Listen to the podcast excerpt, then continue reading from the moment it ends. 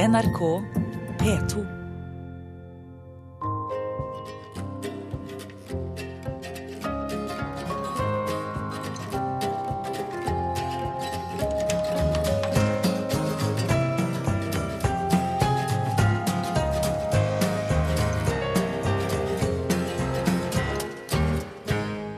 Kjære lyttere av Sommer i P2. Jeg heter Anita Krohn Traaseth, er toppsjefen i det amerikanske IT-selskapet Hewlett Packard i Norge. Eller HP, som vi sier. Og så blogger jeg som Tinteguri, om ledelse og litt til. Det er sommer, og snart et år siden jeg som leder valgte å tre inn i sosiale medieverden. På Twitter, på Instagram og som blogger. En relativt utradisjonell kombinasjon. Og det er dette jeg skal snakke litt om i min radiotime. Og folkens, dette er å utfordre komfortsonen. Å snakke en hel time. Ikke være i dialog. På radio. Ja ja. Men det er jo da man lærer, ved å utfordre komfortsonen litt. Og det har jeg gjort mye av det siste året. Jeg skal dele noen refleksjoner rundt hva sosiale medier egentlig er. Hvorfor jeg valgte å bruke de nye verktøyene som leder, og hva mine kolleger egentlig syns om det å ha en sjef som blogger. Vi skal snakke om innholdet i bloggen, og jeg skal også lese opp en av de mest leste bloggartiklene. Og så skal jeg kombinere det med noen låter jeg liker, som jeg ofte har i bakgrunnen når jeg skriver, eller blogger, eller reflekterer, som jeg kaller det da. Ja, for denne sjefen her jogger ikke, hun blogger. Da skal jeg dele den første låta med dere, og det er den som jeg spiller veldig ofte om morgenen, og den setter tonen for dagen, når jeg står på badet og gjør meg klar. Feeling Good med en av tidenes flotteste jazz, gospel, blues, R&B-artister og menneskerettighetsforkjemper Nina Simone. Hun ga ut denne her i 1965 på albumet I Put a Spell On You. Ok, så hva er dette sosiale mediegreiene for noe, da? Jo, det er en ny arbeidsmåte og kommunikasjonsform. Den er drevet frem av teknologi, hvor fellesnevneren er at det ikke er avsenderstyrt. Det betyr sosiale medier egner seg veldig dårlig som ropert. Tradisjonell produktplassering og enveiskommunikasjon, som vi jo kjenner da, fra vanlige internettsider, produktkataloger eller TV-debatter, som jo de færreste av oss får lov til å ta del i, dette snur sosiale medieteknologi på hodet. Men så er det sånn at det er teknologien som dessverre har fått og får fortsatt mest oppmerksomhet. Det at disse verktøyene her faktisk representerer en ny måte å lytte og være i dialog på, har vært helt sekundært. Sosiale medier er så veldig mye mer enn å opprette en konto på Twitter, eller vært til stede med en firmablogg, eller kanskje en Facebook-side. Det er en ny arbeidsmåte. Det er ikke du som styrer spredning og kontroll av innhold. Og jo mer profesjonelt du prøver å sende ting av gårde, jo mindre oppmerksomhet får du. Det må være ekte, autentisk, og det må komme fra deg. For en tid tilbake så tok jeg en liten runde i eget nettverk for å høre hvilke assosiasjoner folk fikk rundt begrepet sosiale medier.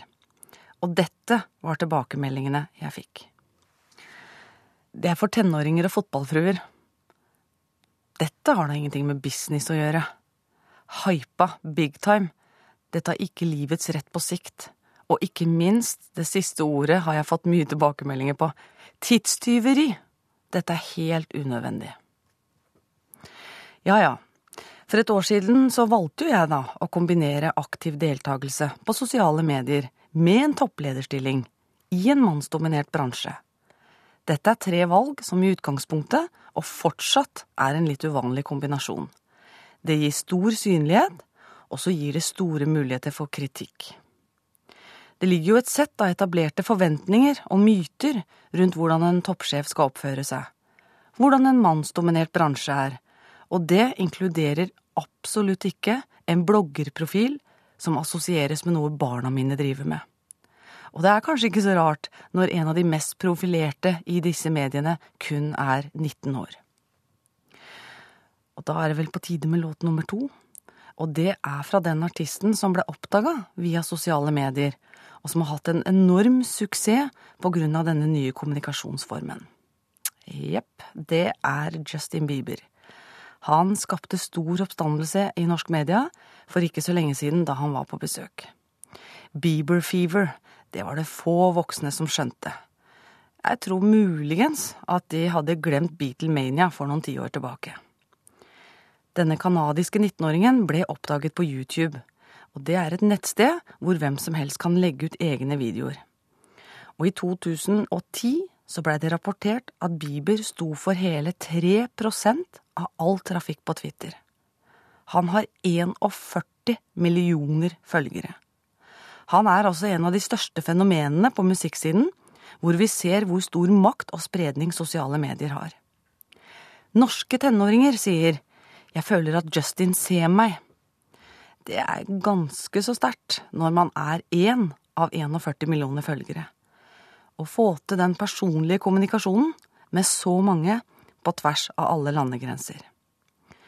Slik teknologi starter ofte på forbrukersiden, og så kommer etablert industri etter, med nye løsninger, sånn som e-business gjorde på 90-tallet.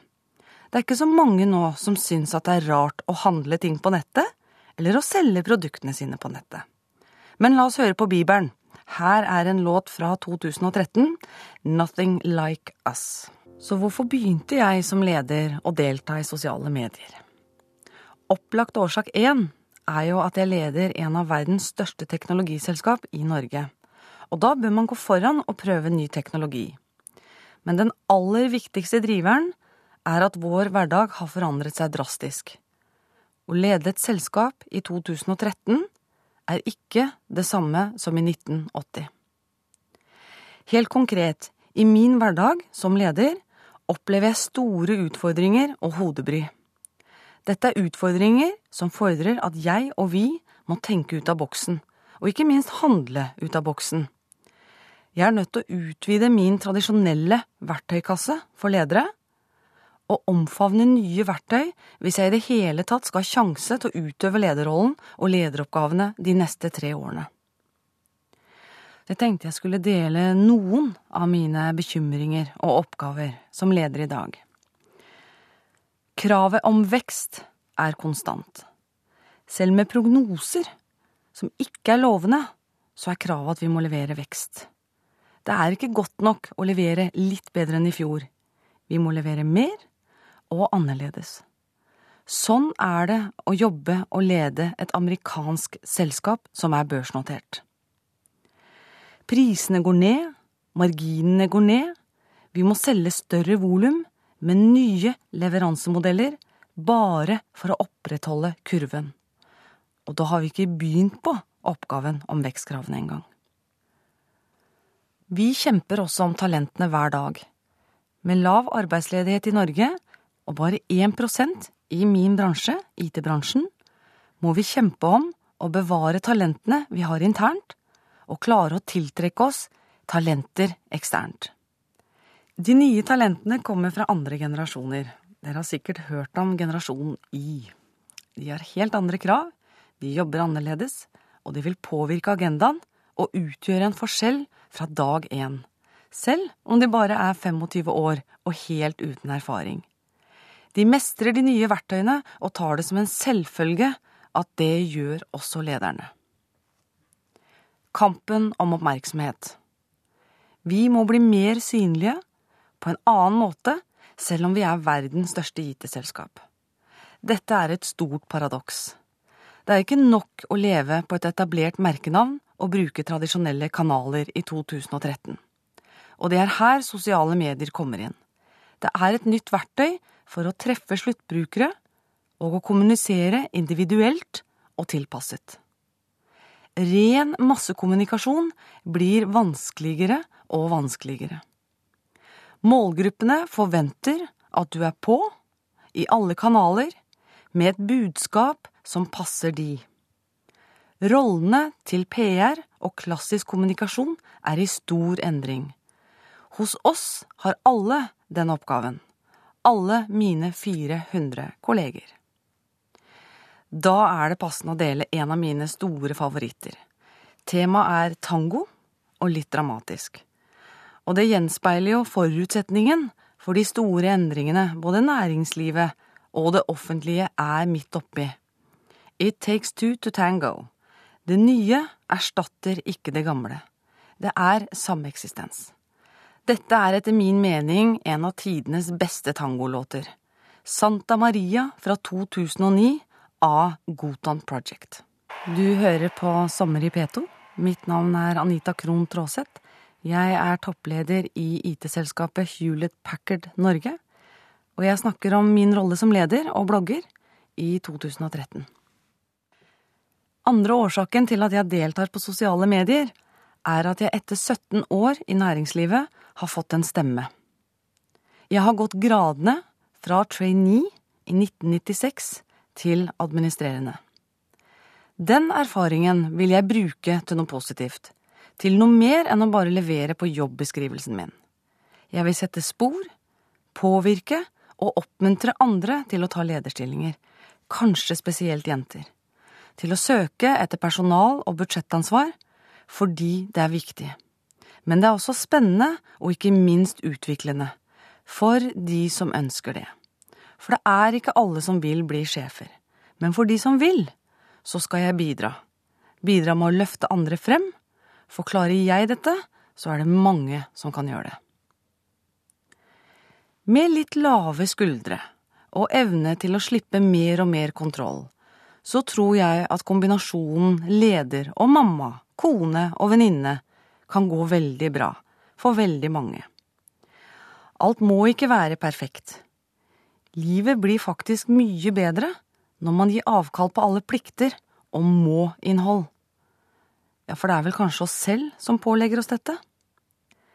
Dette skriver jeg mye om på bloggen. Om å gi mer F, rett og slett. Derfor valgte jeg også kallenavnet mitt Tinteguri og ikke eget navn.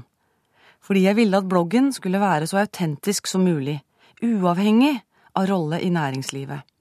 Og fordi den er personlig selv om jeg deler profesjonelle refleksjoner rundt lederoppgavene og ledelse generelt.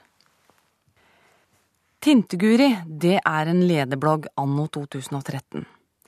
Den skal vise alle aspektene ved lederrollen. Og da må jeg også åpne opp for å fortelle litt om hvem jeg er, om bakgrunnen min, om familien, og gi et lite innblikk i hvordan jeg lever livet mitt. Da må rollen som mamma og kvinne også inkluderes. For jeg tror jo at det er mulig å kombinere de rollene, uten å bli utbrent, uten å ha fokus på tidsklemma. Og så tror jeg at de fleste i 2013, de blir ikke overrasket over at sjefen faktisk har et liv. At hun er mor, at hun er sammen med venninner og har de samme refleksjonene som mange andre har rundt hvordan man skal kombinere jobben sin og privatlivet sitt. At mine kolleger ser flere sider ved sin sjef, så lenge det er personlig og ikke privat, det har jeg fått mye positiv respons på. Og så er det jo sånn at uansett hva man gjør, og hva man ikke gjør som sjef, så blir aldri alle helt fornøyde. Det er ikke mulig, det. Og det er heller ikke mitt mål. Vi får ikke makt ved hierarkiske og lukkede metoder, men ved å dele, delegere og gi enkeltmennesket frihet og ansvar. Å dele ekte erfaringer på godt og vondt. Demonstrere at kravet til ledere og ledelse i dag ikke er det samme som i 1980. Og det er det dette handler om. Sosiale medier er ikke bare et nytt verktøy for de unge det er også et verktøy for å drive selskaper, til å lede på en litt ny måte, og skape engasjement blant kolleger, kunder og markedet. Det handler om å få til veksten og overlevelsesevnen, det handler om arbeidsplassene. Nøkkelord er åpenhet, forankring, delegering, deling, spredning, ærlighet og ektehet i 2013. Og da må vi ha litt musikk igjen. Jeg tenkte jeg skulle dele det jeg mener er sommerens foreløpige beste hit. Denne låta her, den får meg absolutt i godt humør. Og det er Blurred Lines med Robin Thicke. Snart 700 000 bloggbesøk har det vært nå. Og jeg tok en runde med kollegene mine for en stund siden for å høre om hva de egentlig syns om at sjefen blogger. Nå må det sies at eh, jeg er nok ikke helt A4 som leder, og etter snart fire år i Hoppe Norge, så er det mange som har sett meg i ulike funksjoner og situasjoner. Som da vi skulle få et besøk fra noen store sjefer i Europa, så tenkte vi at eh, dette møtet må sjefene ikke glemme. Så vi kledde oss rett og slett i bunad da de kom, eh, og vi lagde en liten video for å illustrere norsk kultur. Eller vi delte ut en smilsjokolade en tidlig morgen for å ønske alle kollegene våre velkommen på jobb. Eller da som jeg nå sist inviterte 400 kolleger til å ta fem minutter, en speeddate med sjefen sin. Da jeg ble sjef i april, startet jeg også med å skrive en mail hver fredag som oppsummerte hele butikken vår. Hva er det som egentlig har skjedd? Hva har jeg brukt tiden min på? Var det noen som hadde gått den ekstra mila? Hadde jeg fått noen tilbakemeldinger fra kunder som jeg mente at andre måtte lese? Var det noen store kundeavtaler vi hadde signert? Eller rett og slett noen viktige beskjeder som måtte formidles? Da ble mange skeptiske. Svært skeptiske. Nå har hun lagt lista høyt. Dette klarer hun ikke å fortsette med. Smilefjes på en mail fra en administrerende? Det hadde de ikke sett tidligere. Men denne skepsisen den la seg etter hvert som jeg leverte over tid, og hver fredag det siste året har jeg skrevet det som nå har etablert seg som fredagsmailen. Så da jeg publiserte mitt første blogginnlegg i august i fjor, så var kanskje ikke mine kolleger så overrasket som resten av markedet og bransjen. Jeg hadde jo skrevet og rapportert til de hver eneste uke siden april.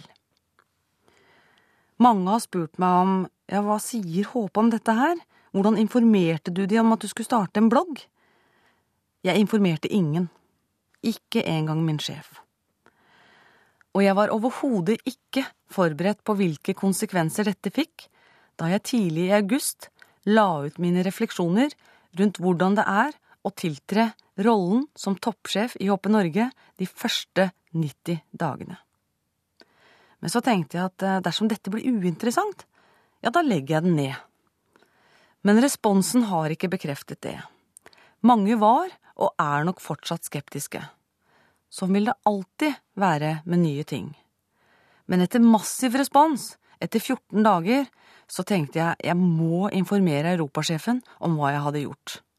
Og det gjorde jeg. Jeg sendte han en mail, og fikk rask beskjed tilbake.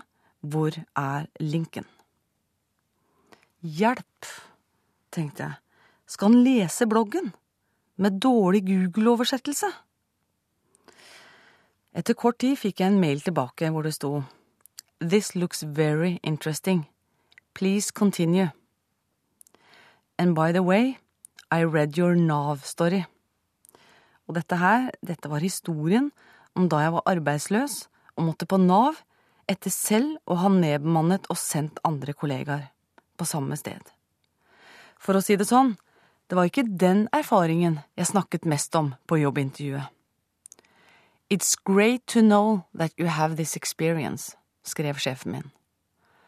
Så dette gikk bra. Sjefen min, han har støttet meg fra dag én. Men jeg ba ikke om tillatelse, og jeg slapp også å be om tilgivelse. Men hva syns kollegene mine egentlig da, om at sjefen blogger, på godt og vondt? Jeg tror ikke det finnes en universal formening rundt hva folks oppfatning er når sjefen blogger. Det er like stor variasjon her som det er rundt formeninger på hva som er god og dårlig ledelse. Det som er sikkert, er at alle ledere må kommunisere. Om det er i bloggformat, internt eller eksternt, det er opp til hver enkelt leder. Hva man selv er komfortabel med. Det er mange sjefer nå som er aktive på sosiale medier, på Twitter og på egne blogger. Og interessen rundt dette temaet er ikke så hot som det kanskje var bare for et år siden. Det handler også om mye mer enn at sjefen er aktiv. Sosiale medier er et velegnet verktøy for å øke jobbengasjement. For som så mange av dere vet, det er i gjennomsnittet kun 30% som er engasjerte av dine kolleger, og det er 52% som er relativt likegyldige til jobben sin. Da gjelder det å skape et miljø og en åpenhet som gir folk rom for å tenke og gjøre ut av boksen. Som så mange av mine kolleger gjør, for eksempel garasjebandet vårt, The High Performers. De lagde sin første låt i julen, den ble lagt ut på YouTube, og to måneder etterpå ble den spilt på fem storskjermer i Anaheim i California for hele HPs toppledelse og lederne i 170 land i februar. Dette bandet er også invitert for å spille i Barcelona for 3000 kolleger. For å si det sånn, å se mine kolleger på storskjerm i California, det er nok det nærmeste jeg har kommet et Bieber-øyeblikk. Så nå tenkte jeg skulle dele sangen med dere, The HP Way av det norske bandet The High Performers. Du hører på Sommer i P2. Mitt navn er Anita Krohn Traaseth. Jeg er leder i Hewlett Packard Norge. Og jeg snakker om min rolle som toppleder og blogger i 2013. Av snart 80 artikler på bloggen så er vel drøyt 80-90% rene fagartikler om ledelse, om å forhandle lønn, om flink pike-syndromet, om introvert og ekstrovert ledelse, hvordan man kan skrive jobbsøknader, litt om teknologi og om samfunnsrelaterte spørsmål. Jeg har også lagt ut noen videointervjuer hvor jeg møter partiledere litt uformelt på kjøkkenbenken for å diskutere de store politiske linjene i det norske samfunnet nå fram mot valget. Men de mest populære innleggene, det er de som er mer personlige. Det er de hvor jeg deler refleksjoner rundt eget liv. Det er det folk leser mest. Rene fagartikler, det kan man finne på mange nettsteder. Så det er nok kombinasjonen av fag og refleksjoner og å dele litt rundt hvem man er som menneske, som er litt unikt ved bloggen. Det er nok de færreste ledere som kommer til å lage egen blogg, på lik linje som at ikke alle ledere trener til Birken. Det alle ledere derimot må forholde seg til, er kravet til kommunikasjon og det å lære seg de nye kommunikasjonsplattformene. Hvilken effekt de har, og hvordan det skal være relevant for eget selskap og kolleger, det må man avgjøre selv. Og i HP Norge så er vi til stede på alle plattformene. Vårt utgangspunkt er strategien vår. Vi har klare, definerte mål på hvor vi vil, hvorfor det er viktig, og hvordan vi skal komme dit. Og så bruker vi sosial teknologi for å muliggjøre en del av dette arbeidet. Og vi lærer oss frem. Det er relativt enkelt og raskt å rette på en feilmelding dersom det skulle skje. Vi har ikke brukt lang tid på å lage en egen policy på hvordan ansatte skal oppføre seg. Vi har tillit i bunnen. Og så henviser vi til arbeidskontrakten. Der står det jo at man skal oppføre seg profesjonelt. Man skal ikke snakke ned konkurrenter eller kunder eller dele forretningshemmeligheter. Det er de samme reglene som gjelder i det digitale liv. Da har jeg lyst til å dele en av de sangene som jeg har hørt mye på i det siste. Det er en litt melankolsk låt, men den er vakker. Og det er skotske Emilie Sande, bare 26 år, som har laget denne sangen, som heter Clown. Den aller beste versjonen, det er den hun har live fra Royal Albert Hall. Her er Clown. Da skal jeg avslutte med å gi dere et lite innblikk i en av de mest leste bloggartiklene, Martas misforståtte engler. Denne artikkelen er lest av 35 000 unike lesere så langt. En fredag i mai holdt jeg en presentasjon for 1400 damer i Konserthuset. Jeg skulle dele personlige erfaringer, ikke snakke om strategi, faget og jobben min. Da må jeg ut av komfortsonen, og i et halvt år hadde jeg grudd meg til dette. I sminken traff jeg prinsesse Märtha Louise og forretningspartneren hennes Elisabeth. To damer, veldig til stede og imøtekommende, det var førsteinntrykket. De skal snakke om englene, tenkte jeg. Dette må jeg høre på. Svært skeptisk. Så jeg satte meg i salen og hørte. Og det tok ikke lang tid før jeg forsto at jeg har misforstått og forhåndsdømt Martas engler. For det handler lite om engler. De er bare en metafor. På lik linje som Eggen bruker fotballen i sin ledelsesfilosofi. Målet er det samme å få det beste ut av folk og resultater. Kjært barn har mange navn. Englene er ikke annet enn en litt utradisjonell metafor for beskrivelse og forståelse av klassiske utviklingsbegrep som høyre og venstre hjernedel, feminine og maskuline egenskaper, lytte versus handlingsegenskaper. Prinsessens presentasjon handlet om hvordan man ved hjelp av ulike teknikker kan forstå mer av sine egne begrensninger og muligheter med et endelig mål om å utvikle seg til å bli et tryggere og mer harmonisk menneske. Og på den måten så kan du levere bedre resultater, uansett arena. Hjelpe meg, er det dette vi har hisset oss opp for i så mange år? Har vi blitt redd for metaforer. Så redd at vi ikke gidder å sette oss inn i hva som egentlig ligger bak, tenkte jeg når jeg satt og hørte på. Dette har vi da holdt på med i mange år, søken etter selvutvikling, med og uten åndelige dimensjoner.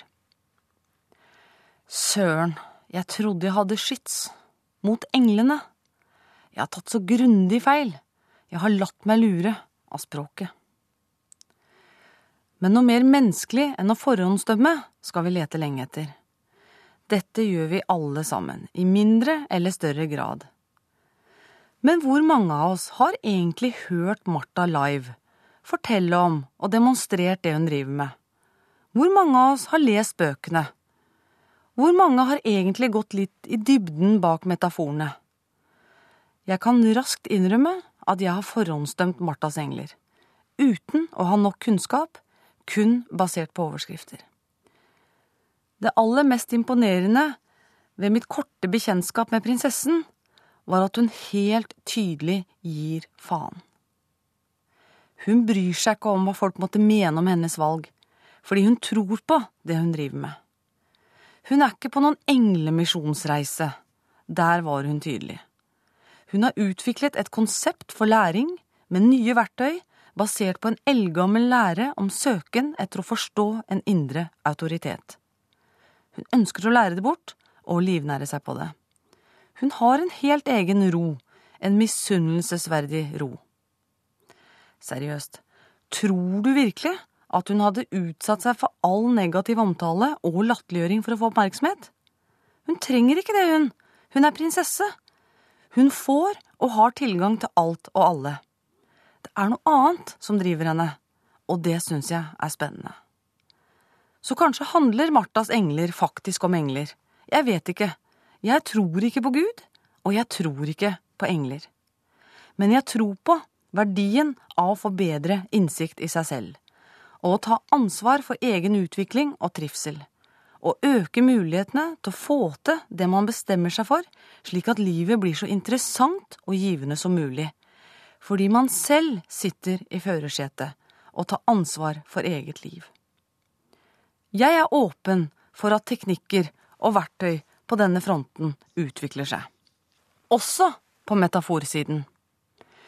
Min forståelse av englene er en metafor i en tradisjonell leder- og personutvikling, slik noen forstår Kirkens engler som en metafor for det gode og det optimistiske i mennesket.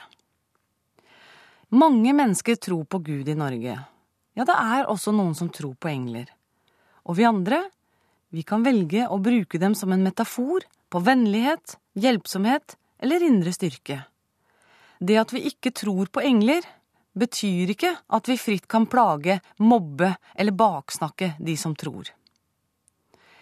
Jeg falt i englefella, og neste gang så skal jeg følge mine egne følg varsom-regler bedre. Ville jeg selv ha likt å bli omtalt og snakket om på den måten? Har jeg nok informasjon om saken til å være så himla skråsikker? Dette blogginnlegget her, det skapte mye engasjement. Og da kan jeg jo ikke dy meg. Neste låt må bli fra Annie Lennox, There Must Be An Angel. Og den er fra 1985, som også var en av de store sommerhitene på det glade 80-tallet. Og det var min ungdomstid, med mange gode minner fra barndomsbyen Sandefjord.